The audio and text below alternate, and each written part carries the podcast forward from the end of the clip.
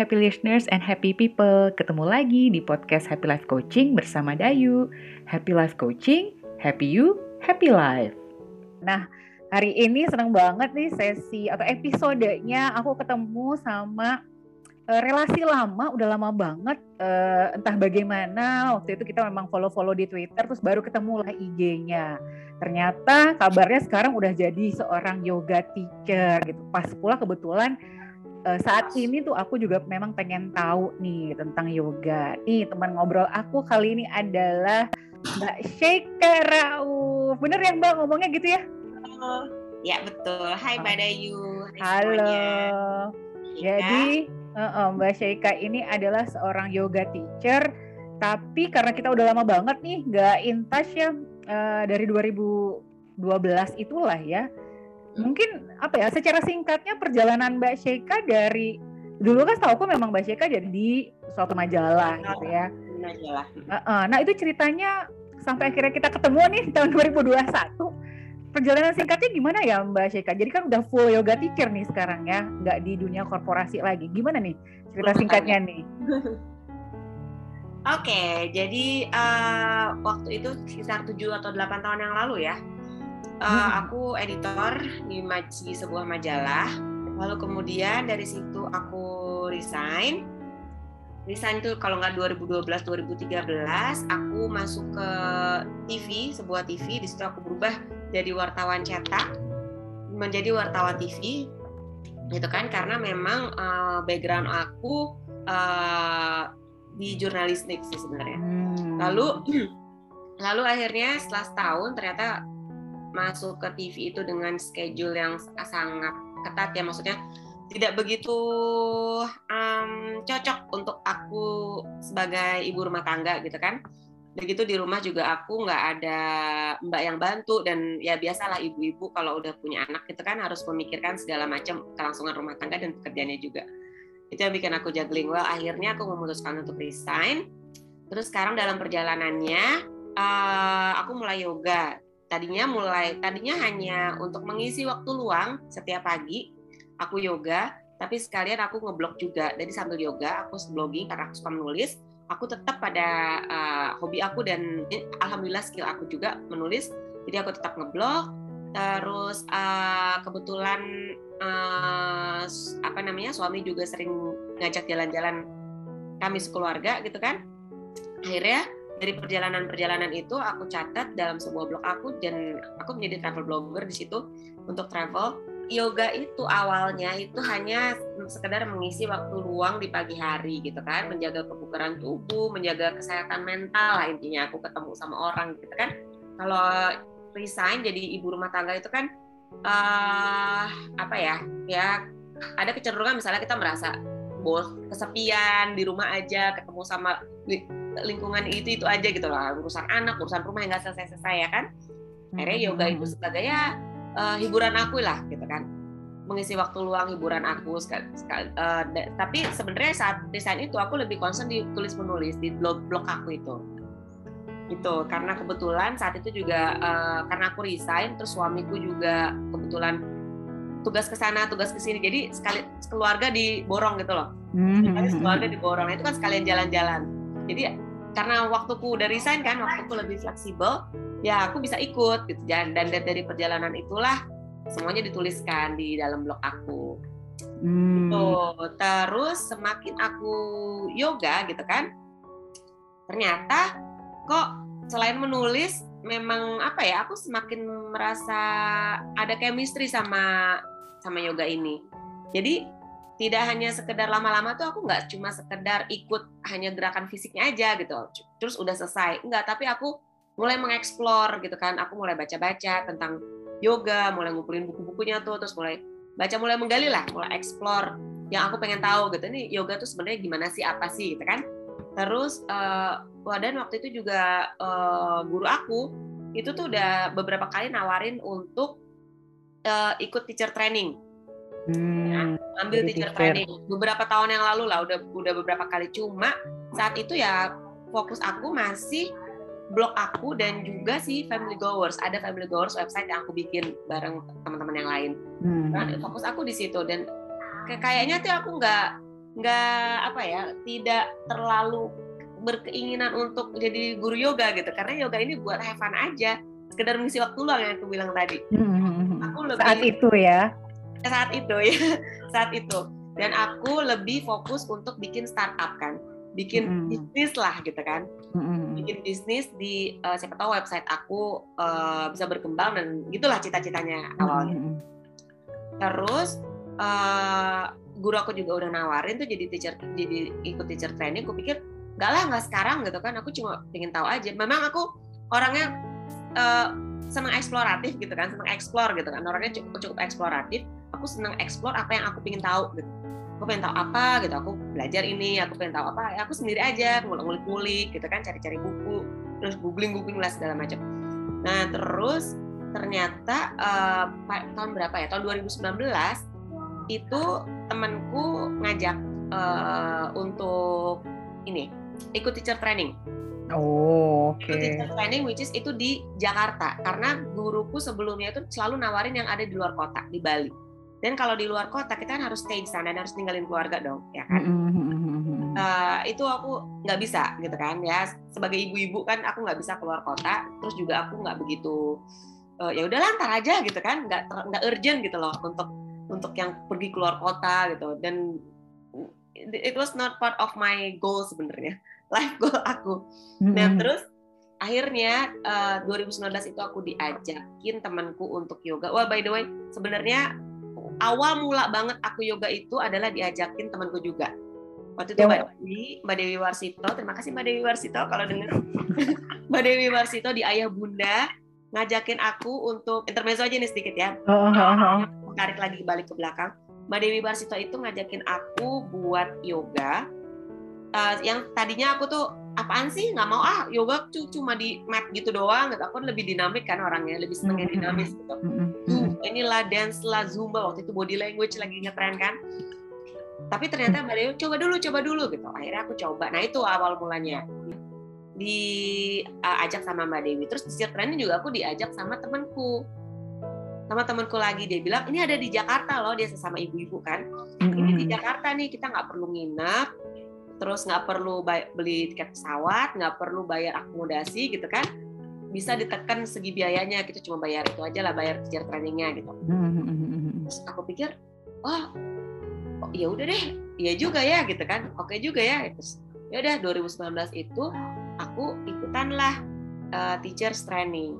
Nah dari situlah perjalanan aku.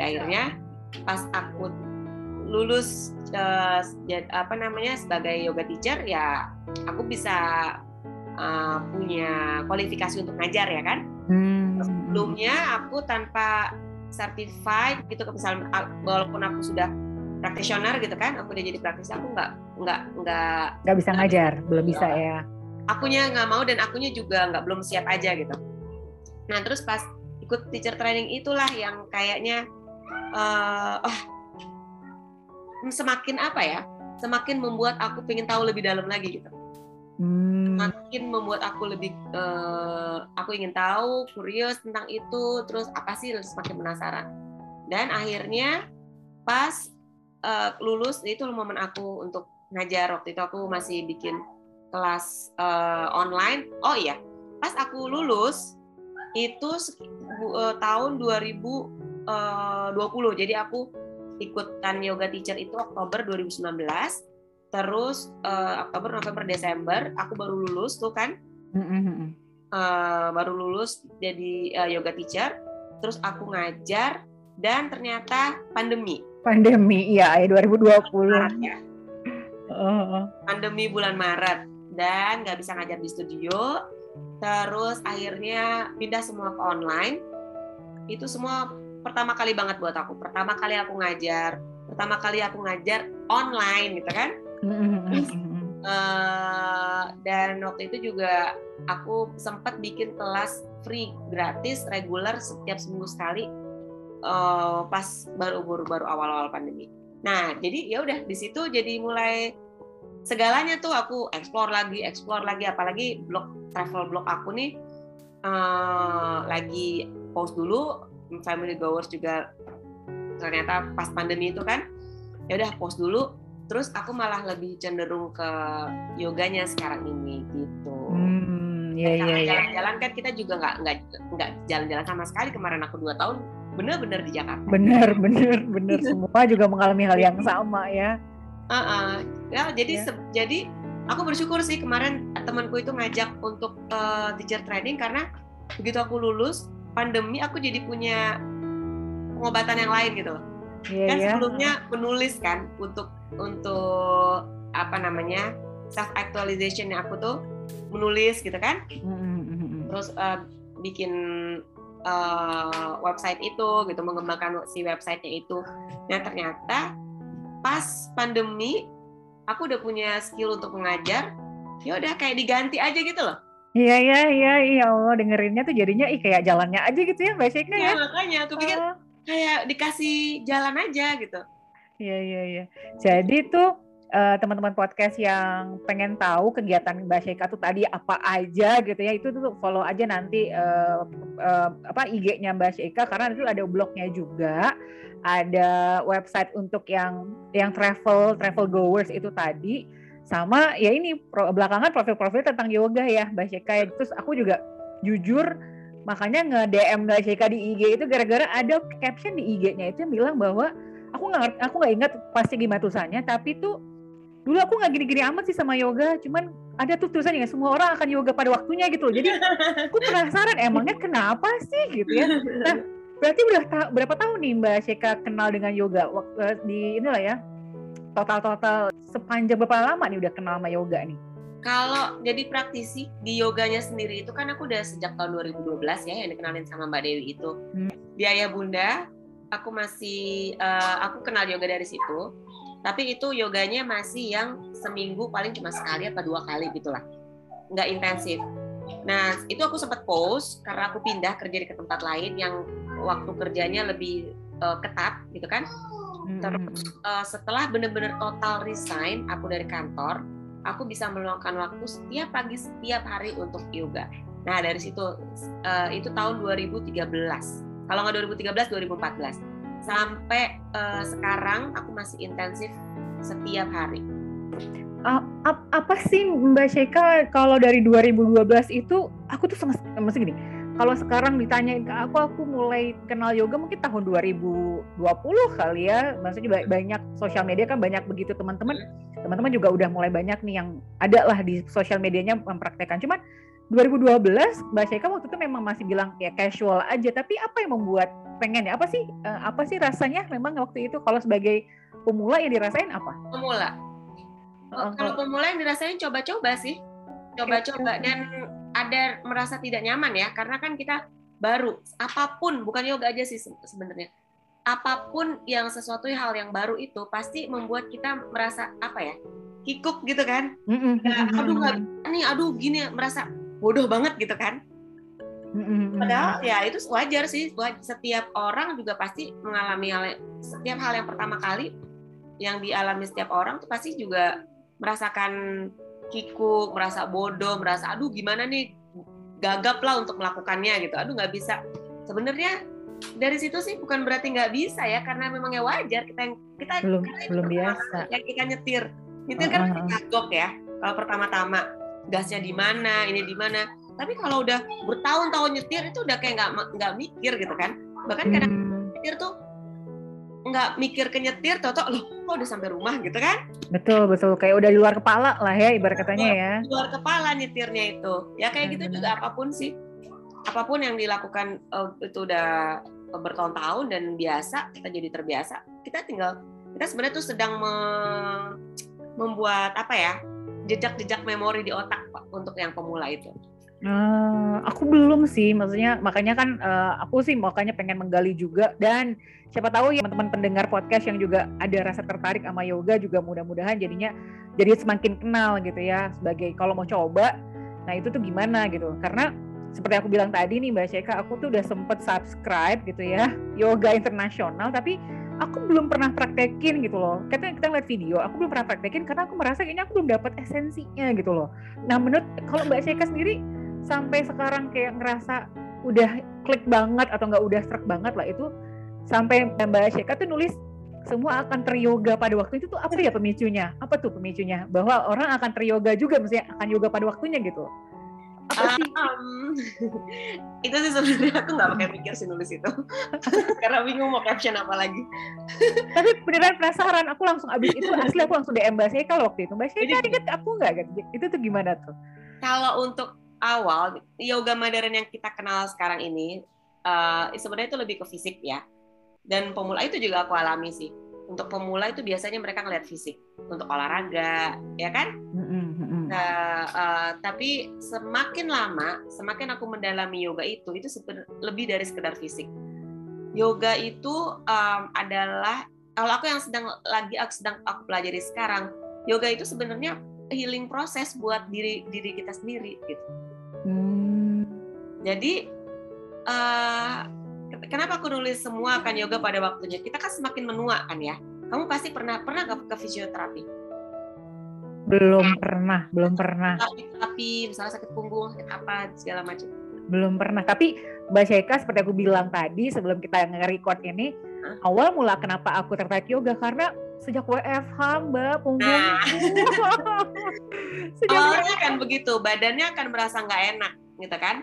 badan akan merasa nggak enak atau stres atau apa wah butuh sesuatu nih yang biasanya itu kita langsung mikir ke kurang gerak olahraga apa gitu kan. Atau yang mungkin punya uh, mental health problem gitu kan mereka ingin merasa uh, lebih rileks lebih ringan aja gitu pikirannya. Terus nyari sesuatu yang um, bisa apa namanya bisa relief bisa healing self healing itu nyari Eh, misalnya nyari tentang meditasi gitu.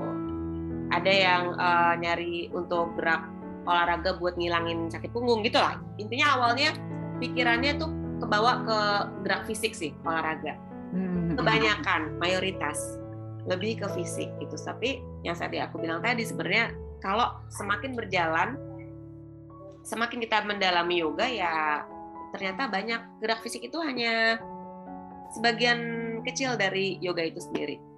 Banyak sekali cakupannya.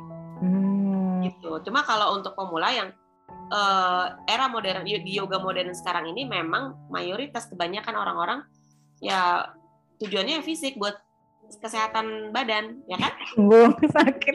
Aku aku awalnya juga aku kenapa cari yoga? Itu akhirnya karena punggung pegel terus katanya kan ada rekomendasi melakukan gerakan yoga gitu kan. Makanya aku cari mulailah aku cari. Bener nah, sih memang gara-gara banyak dokter-dokter juga banyak dokter-dokter sekarang juga yang mengaju, menganjurkan gerakan gini gerakan yang, yang which is itu ada di ada di gerakan yoga gitu hmm, nah okay, kalaupun okay. kalaupun tidak ada tidak ada keluhan fisik ada juga orang yang tujuannya gitu misalnya pingin apa ya dari segi kecantikan beauty-nya maksudnya beauty di sini gerakan badannya gitu loh wah gila keren nih bisa headstand, bisa handstand, bisa kayang, bisa apa gitu kan. Iya, iya, iya.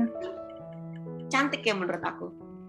Iya, iya keren sih kalau misalnya kayak orang-orang yang aku lihat tuh yang ih bisa bisa gitu loh menopang badan sama tangan gitu itu kan wah luar biasa deh aku kayaknya belum nggak kebayang bakal kayak gitu ya tapi nggak tahu deh ya bisa nggak sih kok kayak gitu tuh semua orang tuh belum tentu ya belum semua orang bisa, bisa sangat bisa semua itu bisa dilatih kok sangat bisa gitu. Tapi balik ah. lagi balik lagi itu ke tujuan kebanyakan orang. Tapi sebenarnya dari filosofi dasarnya uh, yoga tuh nggak nggak seperti itu gitu. Itu hanya well itu nggak salah. Bagian juga. sedikitnya itu aja. Bagian sedikit. Uh, Oke. Okay. Kalau kalau kalau simpelnya nih, misalnya boleh bilang ke aku lah ya yang supaya aku makin tertarik gitu ya. Before afternya emangnya gimana sih mbak setelah kenal yoga? before kenal yoga, setelah kenal yoga jadi orang yang gimana gitu. Maksudnya eh, fisiknya kah, apa cara pola pikirnya apa gimana kan katanya tadi nggak hanya sekedar fisik tapi kayak lebih ke apa ya uh, aku nggak nggak tahu mendeskripsikannya tapi itu nggak hanya sekedar fisik tapi mungkin ke diri kita secara ini ya juga ada tuh secara lebih dalamnya efeknya apa before sama afternya kalau kalau aku ya awalnya memang aku aku itu kan uh, purely physical body ya kan. Aku lebih concern ke physical body waktu itu bertahun-tahun. Jadi kayak itu kayak semacam challenge buat aku misalnya headstand, wah aku bisa headstand itu bikin happy gitu.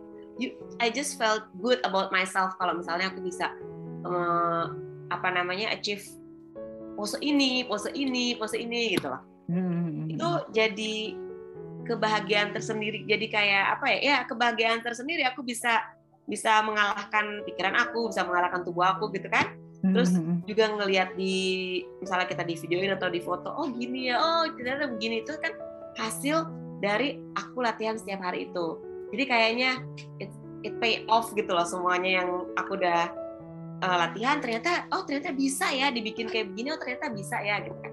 Itu kan ada perubahan di akunya sendiri merasa self esteemnya juga naik ya kan, merasa hmm. achieve sesuatu gitu. Uh, meskipun juga uh, apa namanya ya bukan nggak ada recognition dari orang gitu tapi dari dalam diri sendiri itu merasa gimana gitu merasa puas merasa seneng happy karena bisa mencapai itu gitu. Itu yang pertama dari physical body. Terus juga physical body lagi uh, apa ya badan aku merasa lebih bugar merasa lebih bugar. Terus uh, uh, well shape ya kan? Awalnya awalnya itu sebelum aku yoga aku nggak badanku memang nggak gemuk. Tapi uh, gelember-gelember gitu. Paham ya, gelember-gelember maksudnya apa? Waktu itu agak gemuk sedikit berat aku tuh waktu itu 60 kilo kalau nggak salah. Waktu di ayah bunda karena kan memang kerjanya banyak makan makan apalah kiriman makanan terus kita makan itulah. Oh, oh, terus oh. Uh, kerjanya makan-makan dulu di Pekanbaru kan makan-makan juga kan? Betul betul betul betul. jadi jadi itu jadi aku agak waktu itu agak menggemuk terus setelah yoga sampai sekarang kayak ya bentuk badannya terus berat badannya itu udah termaintain dengan sendirinya sih dengan yoga hmm. itu dari physical body. Nah terus ini kalau dari uh, psychological aku uh, itu tadi ya menaikkan self esteem jadi lebih percaya diri gitu. Terus uh, obat inilah healing setelah dari stres penat segala macam gitu jadi abis yoga terus keringetan itu efek juga ke psikologi sih menurut aku hmm. nah lalu set, uh, setelah aku ikut um, apa namanya yoga terapi training ini yang tiga bulan kemarin sekarang aku masih lanjut sampai 2023 dapat banyak sekali tentang filosofi-filosofi yoga dan kehidupan. Well, di situ yoga mengajarkan banyak sekali apa ya filosofi tentang kehidupan. Bagaimana treat kamu mentreat pada dirimu sendiri pada orang lain. Terus bagaimana kamu uh, apa ya menjalani kehidupan ini. Itu semua tentang filosofi kehidupan sih. Yoga hmm. akhirnya menuju ke sana memperdalam ke sana. Ya nggak uh, mencari tapi kayak nemu aja gitu loh. Iya iya iya iya ya. emang Terus apa ya udah udah resonan resonansinya ke sana gitu ya. ya uh, udah udah jalannya. Jadi ya dari awalnya hanya uh, physical body, psychological body, sekarang kayak masuk ke spiritual body. Oh, I see. Tadi Mas Jeka bilang perjalanannya masih panjang sampai 2023. Itu tuh apa ya. tuh maksudnya? Maksudnya aku, aku lagi training. Uh-huh. Aku lagi training. Kemarin tiga bulan uh, aku lagi uh, training pendidikan dua tahun untuk jadi yoga terapis. Oh. Jadi kan yoga teacher, setiap setiap guru itu belum tentu bisa menjadi terapis. Artinya kalau misalnya ada orang yang mengeluh kayak sakit punggung gitu kan, nggak semua guru itu mengerti harus diapain ini si punggungnya. Terus kayak misalnya punya migrain, nggak semua guru ngerti mesti diapain. Jadi ya sekarang aku lagi belajar tentang uh, menjadi yoga terapis itu untuk certified. Itu dua tahun pelajarannya jadi kita kenal sama penyakit-penyakit itu termasuk kayak penyakit jantung, diabetes, terus uh, liver, apa pun lah penyakit apa pun. Jadi kita belajar di situ. Nah itu pendidikannya dua tahun, kemarin tiga bulan, aku baru selesai tahap satu. Tahap satu itu uh, certified certificationnya dari dari India, karena aku ikut online kayak begini kan, tapi live dari India. Mm-hmm. Itu sertifikasi dari India, aku lulus tiga bulan itu untuk me, apa ya? Apa uh, aku udah certified dari lokal school di India itu untuk supaya aku bisa bisa praktek untuk terapi. Hmm. Tapi along the way-nya itu ya kan uh, sampai aku lulus nanti di 2023 uh, eh, aku sekalian praktek tapi aku udah certified supaya orang yang pasien yang aku tangani ya kan murid yang aku tangani itu kan juga apa ya percaya gitu loh sama aku oh aku udah certified gitu Hmm, Oke.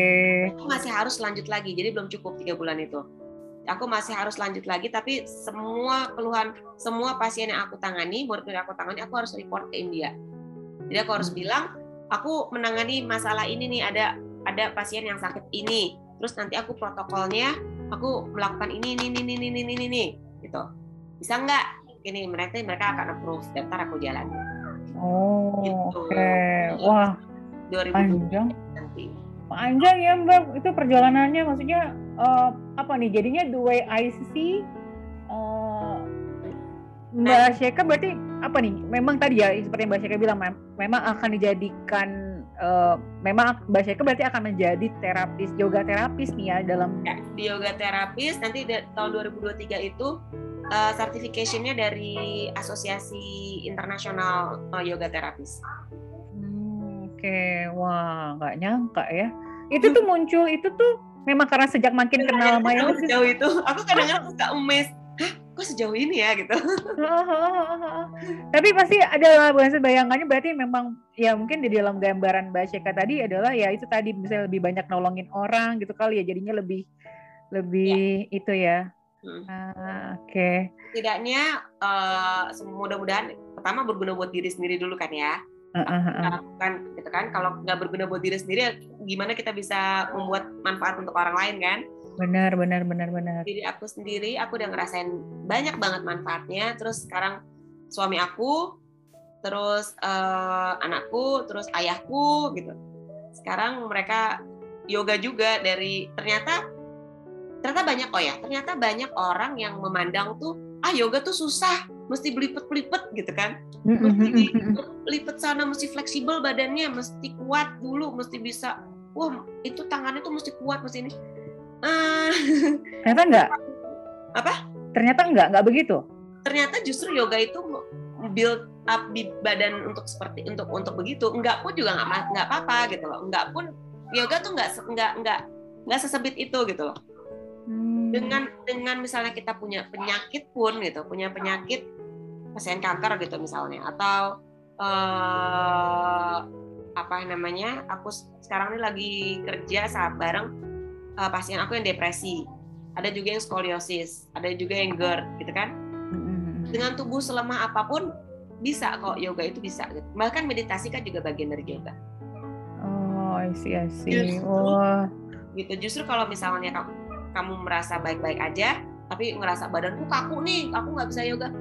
Justru di yoga itu membuat badanmu lebih fleksibel karena energimu yang keblok itu di badan lebih terbuka. Terus ya semuanya badannya lebih enak lebih mengikuti. Oh, I see. Tapi kalau sebagai pemula kayaknya nggak perlu yang sampai ngambil yang training-training gitu kan ya. Maksudnya ya cukup. Kalau sebagai pemula jadi sarannya Mbak Syeka ke aku memulai supaya ikut kelas. Kalau ikut Oh. training itu khusus un- untuk eh, buat kamu kalau yang mau jadi guru.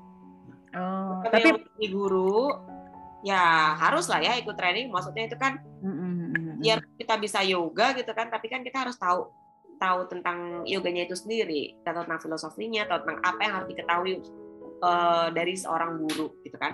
Dan apa yang diharapkan guru untuk muridnya gitu. Kita mesti tahu kan?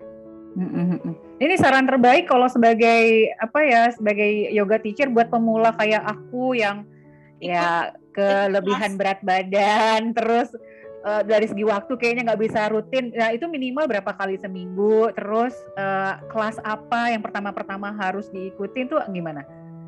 Eh, kan eh, di YouTube banyak ya sekarang coba ikut ikut ikut kelas YouTube gentle yoga atau ikut kelas meditasi bisa eh, meditasi itu lebih ke healing mental healing sih sebenarnya terus eh, ya itu ikut kelas gentle yoga coba lihat cek di YouTube dulu juga aku awalnya banyak banyak belajar dari YouTube kok Hmm. A- Ada keharusan nggak sih seminggu harus berapa kali? coba-coba dan perkenalan Iya ya, pokoknya dicoba Paling dulu. ya paling gampang itu memang mengenal yoga dari physical body dulu ya physical Hmm. body terus baru mental nanti ke spiritual gitu.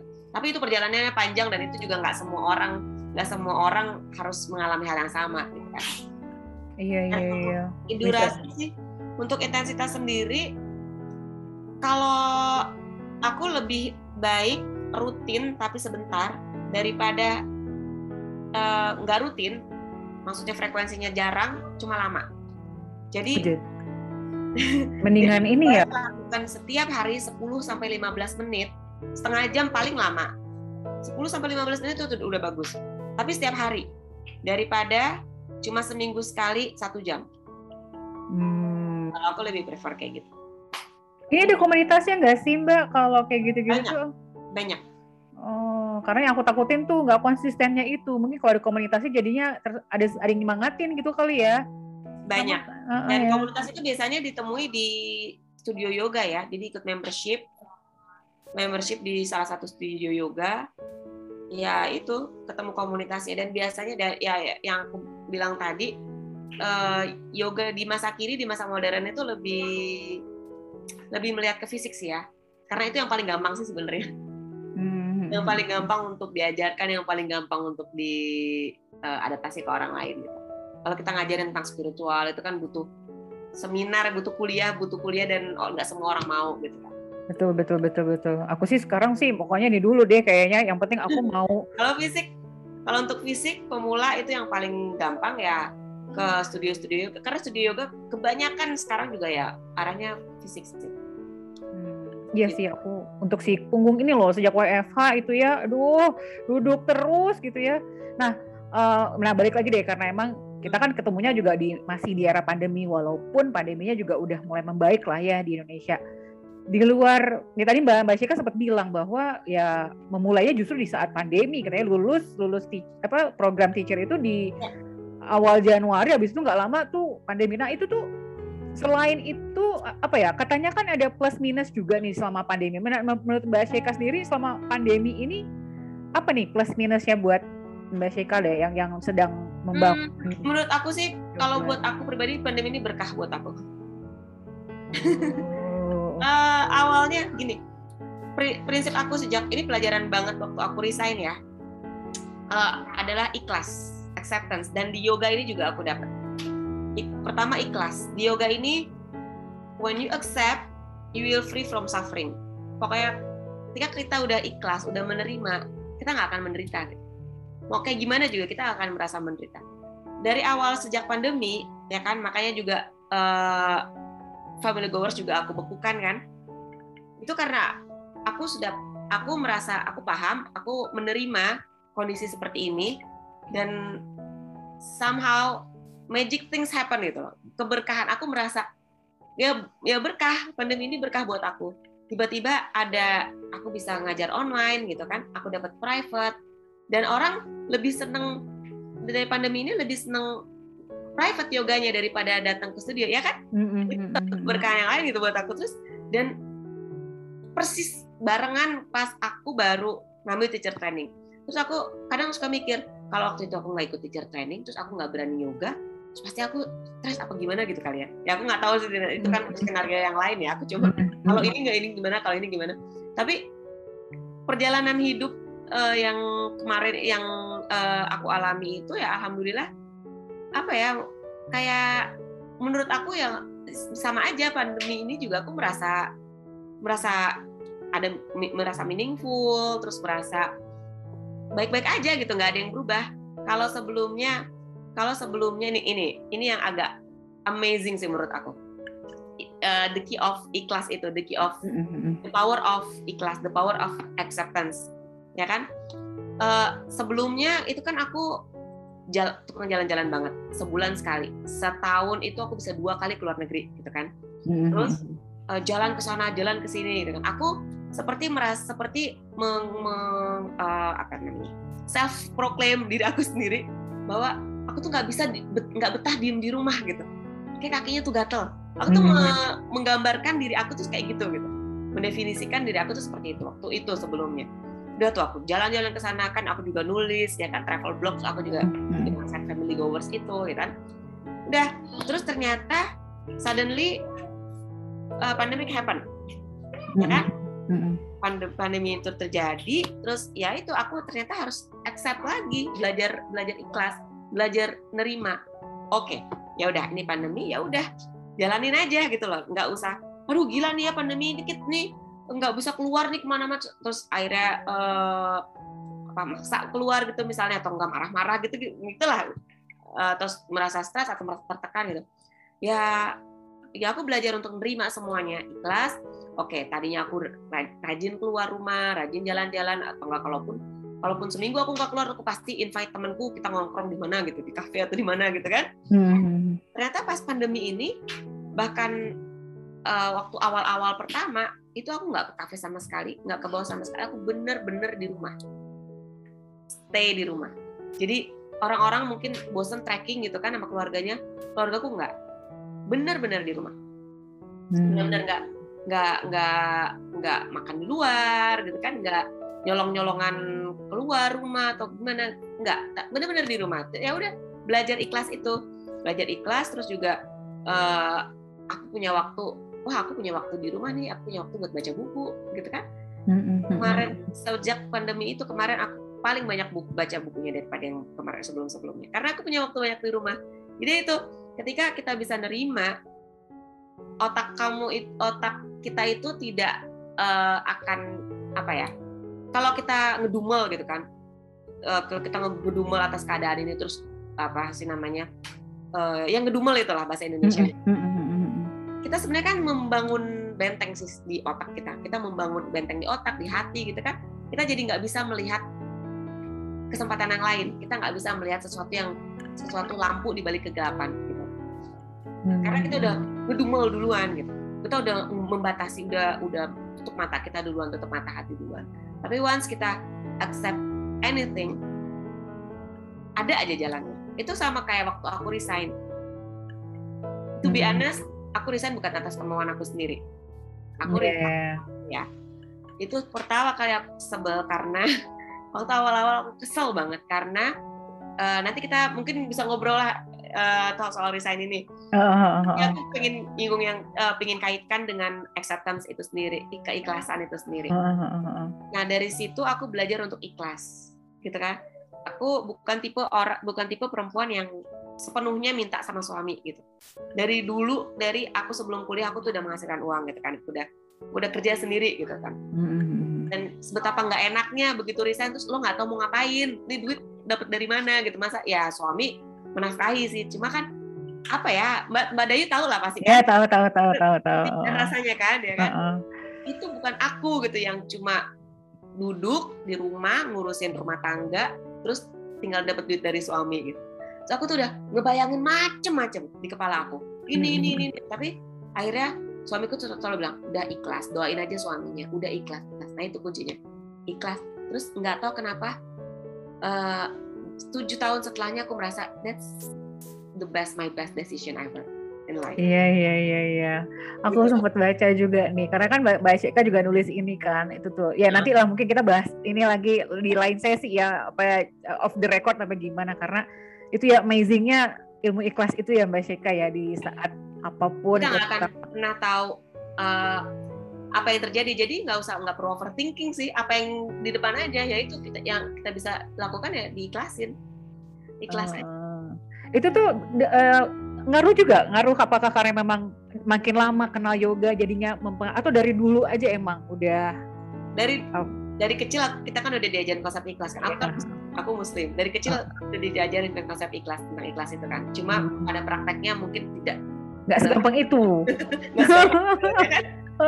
Nggak segampang itu nah aku belajar bener-bener ikhlas itu sejak aku resign. Terus sekarang nih dari yoga itu satu kunci untuk membuat hidupku bahagia acceptance. Acceptance bahasa Indonesia-nya apa? Menerima. Terima ikhlas, aja. Kan? ikhlas uh, iya kan? Ya gitu. Yeah, yeah.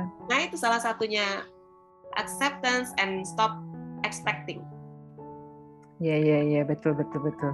Ya. Wah, ternyata tuh yoga tuh nggak sekedar gerakan-gerakan ya, lebih ya, daripada itu bahkan way membuat, of life kalau menurut uh, aku.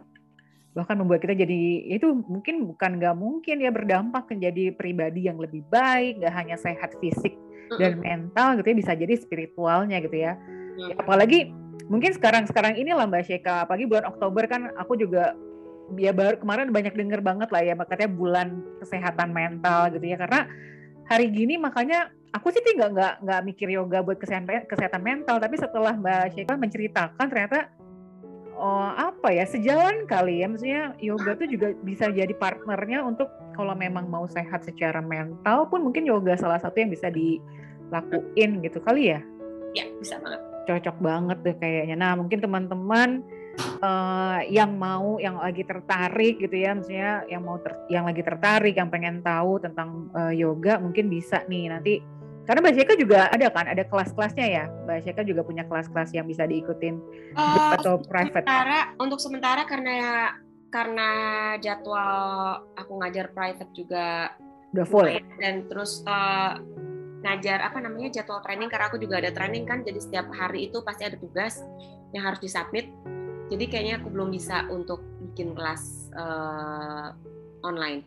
Kalaupun hmm. ada nanti mungkin aku akan rencana bikin kelas online tapi untuk hmm, jenis penyakit tertentu. Karena aku akan bikin riset tentang suatu penyakit efektivitas yoga terapi pada suatu penyakit.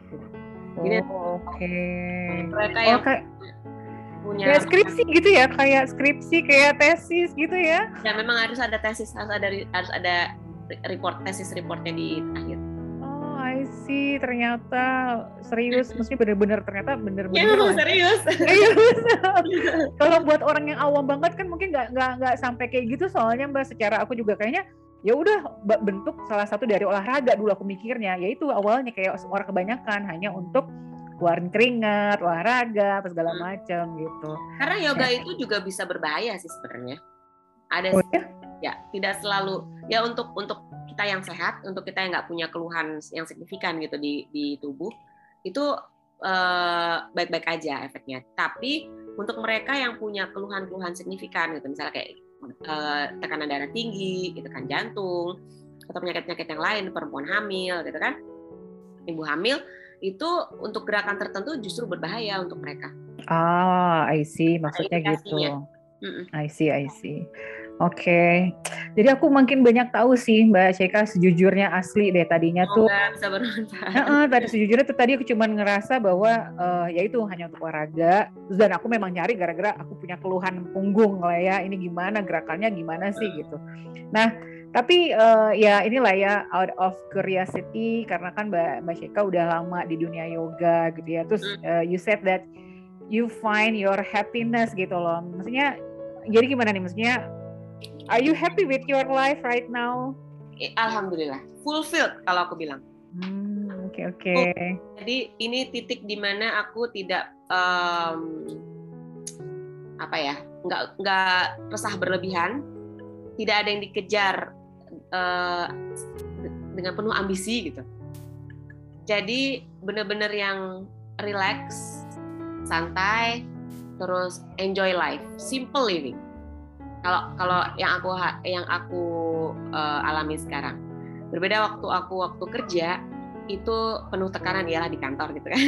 Iya, iya. Tekanan, terus ingin selalu serba lebih, terus uh, kompetitif, gitu kan terus ngelihat banyak ngelihat teman-teman di kantor lain mungkin ada gimana gitu kan masih ada rivalrinya masih ada rasa apa gitu di hati gitu. Well sekarang juga nggak nggak 100% jadi jadi celing gitu hatinya jadi uh nggak ngerasa apa apa nggak juga.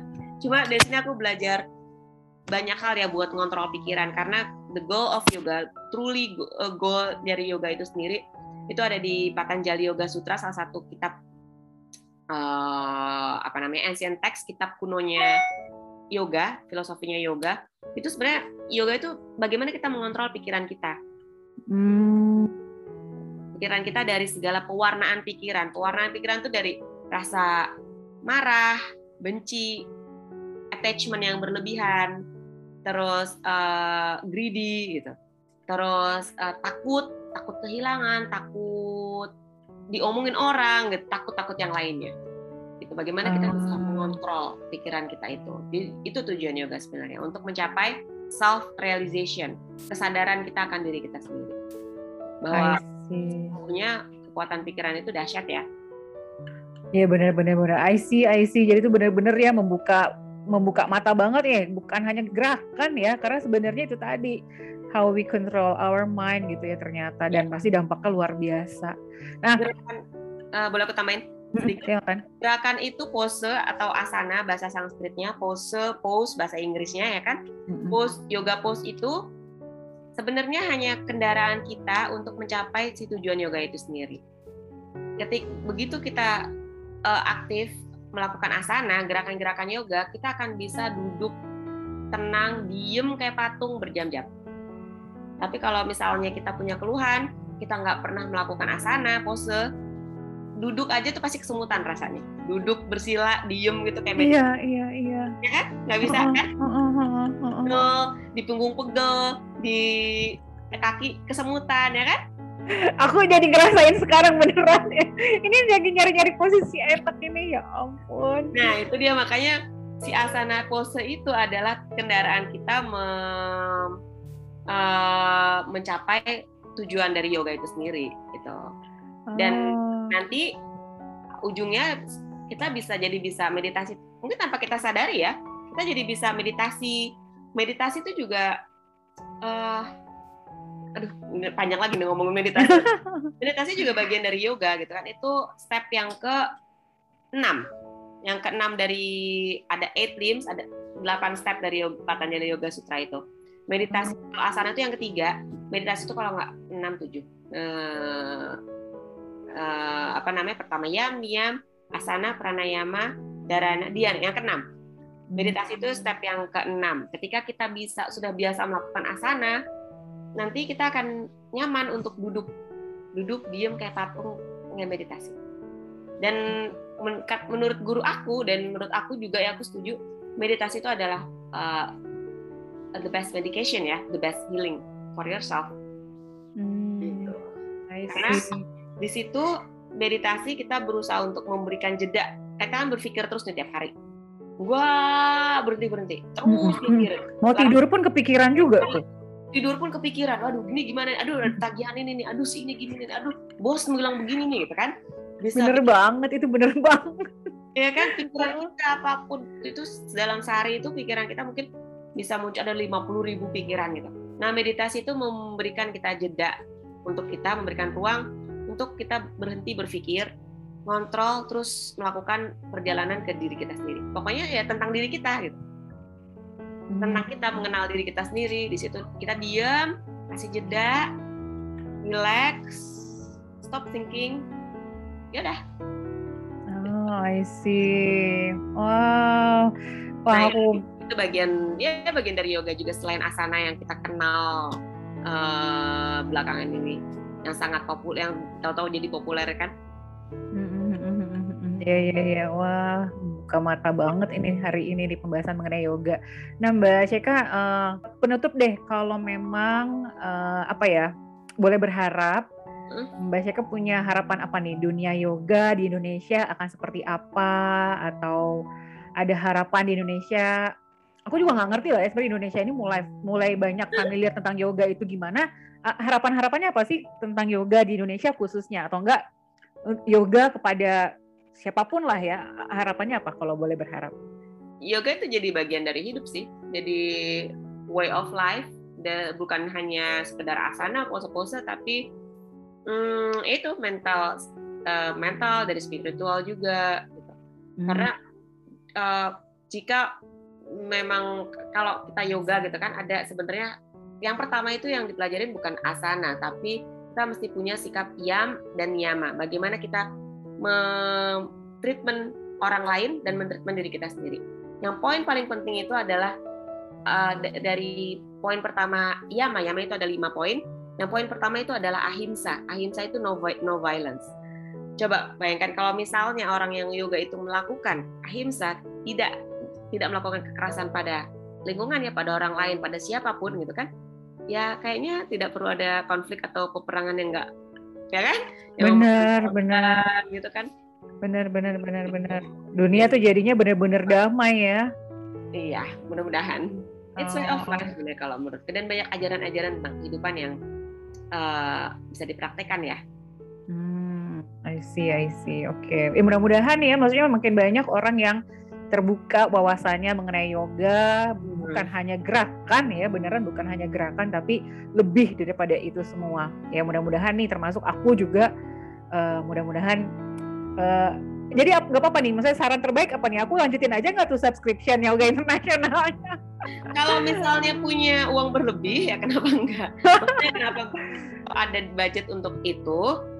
Ya silakan aja. Tapi kalau misalnya low budget gitu, dimulai dengan YouTube pun menurutku oke okay, dan YouTube kan banyak gitu kan. Hmm, oke okay, oke. Okay. Dan kalau misalnya nggak mau nggak mau ada iklan di YouTube kan bisa langganan YouTube kayaknya lebih murah daripada subscribe. subscribe. iya sih. Aduh. Ya ya silakan nggak apa-apa. Hmm, oke, okay, boleh tuh teman-teman ya, teman-teman podcast yang tertarik, yang memang mau tahu YouTube aja sekarang udah banyak lah ya tentang yoga. Jangan sampai kayak aku ya iseng-iseng gara-gara pengen tahu yoga subscribe deh gitu ya. Free satu bulan tapi nggak diapa-apain akhirnya kena casnya. Belum sempat diapa-apain gitu. Ya tapi uh, setelah ini aku coba deh aku coba buka lah. Video-videonya kayaknya banyak sih walaupun gimana gitu ya tapi setelah dapat bahwa sekedar bukan hanya sekedar gerakan gitu ya kayaknya bermanfaat juga nih kalau dicoba gitu ya. Thank you Mbak Syekah sharingnya. nih sama-sama. Uh, kalau apa satu lagi deh ya kalau memang boleh berharap kan uh, travelingnya kan sekarang lagi freeze gitu ya. Maksudnya jadi uh, blok blok travelnya juga lagi freeze. Tapi ini kalau boleh berharap akan akan dijalankan lagi atau pertama kali kalau memang pandemi udah udah udah lega lah ya mau travel ke mana? Kemarin sih sebenarnya aku udah udah ke Lombok ya. Oh iya ya udah start duluan ya. Kalau yang mana, mana yang yang belum ada ada target nggak? Ada tujuan yang ingin di Nah itu sekarang aku uh, aku sedang belajar untuk um, nggak memasang target, tidak berekspektasi apa pun. Jadi oh. just flowing aja. Jadi ya udah jalani aja yang bisa aku jalani dengan sebaik mungkin. Uh, ya aku nggak nggak nggak terlalu berpikir aduh ntar ini ke mana ya ntar ini gimana ntar ini gimana gitu. Ntar ini mau ke mana ya gitu. Jadi aku belum nggak ada sama sekali nggak ada rencana untuk nanti mau ke mana gitu. Hmm, oke. Okay. live in the moment lah ya kayak tadi ya. Oke, okay. oke okay, Mbak Sheika, terima kasih obrolan kita hari ini. Sangat-sangat membuka wawasan banget, khususnya buat aku yang kayak telat banget sih memang tahu yoganya mudah-mudahan iya. aku mudah-mudahan ada kata telat sih iya sih mudah-mudahan doain ya mbak punggung aku ini. Semoga ter apa ya semoga aku bisa konsisten. Yang penting itu ya rutin. Yang yang penting rutin walaupun pendek-pendek gitu ya daripada ya. Uh, sekali tapi panjang berapa menit gitu ya. Aduh punggung punggung soalnya nih. Mungkin orang-orang yang lagi WFH di rumah selama setahun lebih duduk terus. Nah kayaknya it's about time deh ya kita cari tahu tentang yoga yang ternyata nggak hanya sekedar gerakan. Thank you lagi Mbak Sheika. Uh, mau diajak ngobrol. Sampai ketemu lagi ya. Ya. Thank you, dadah. dadah.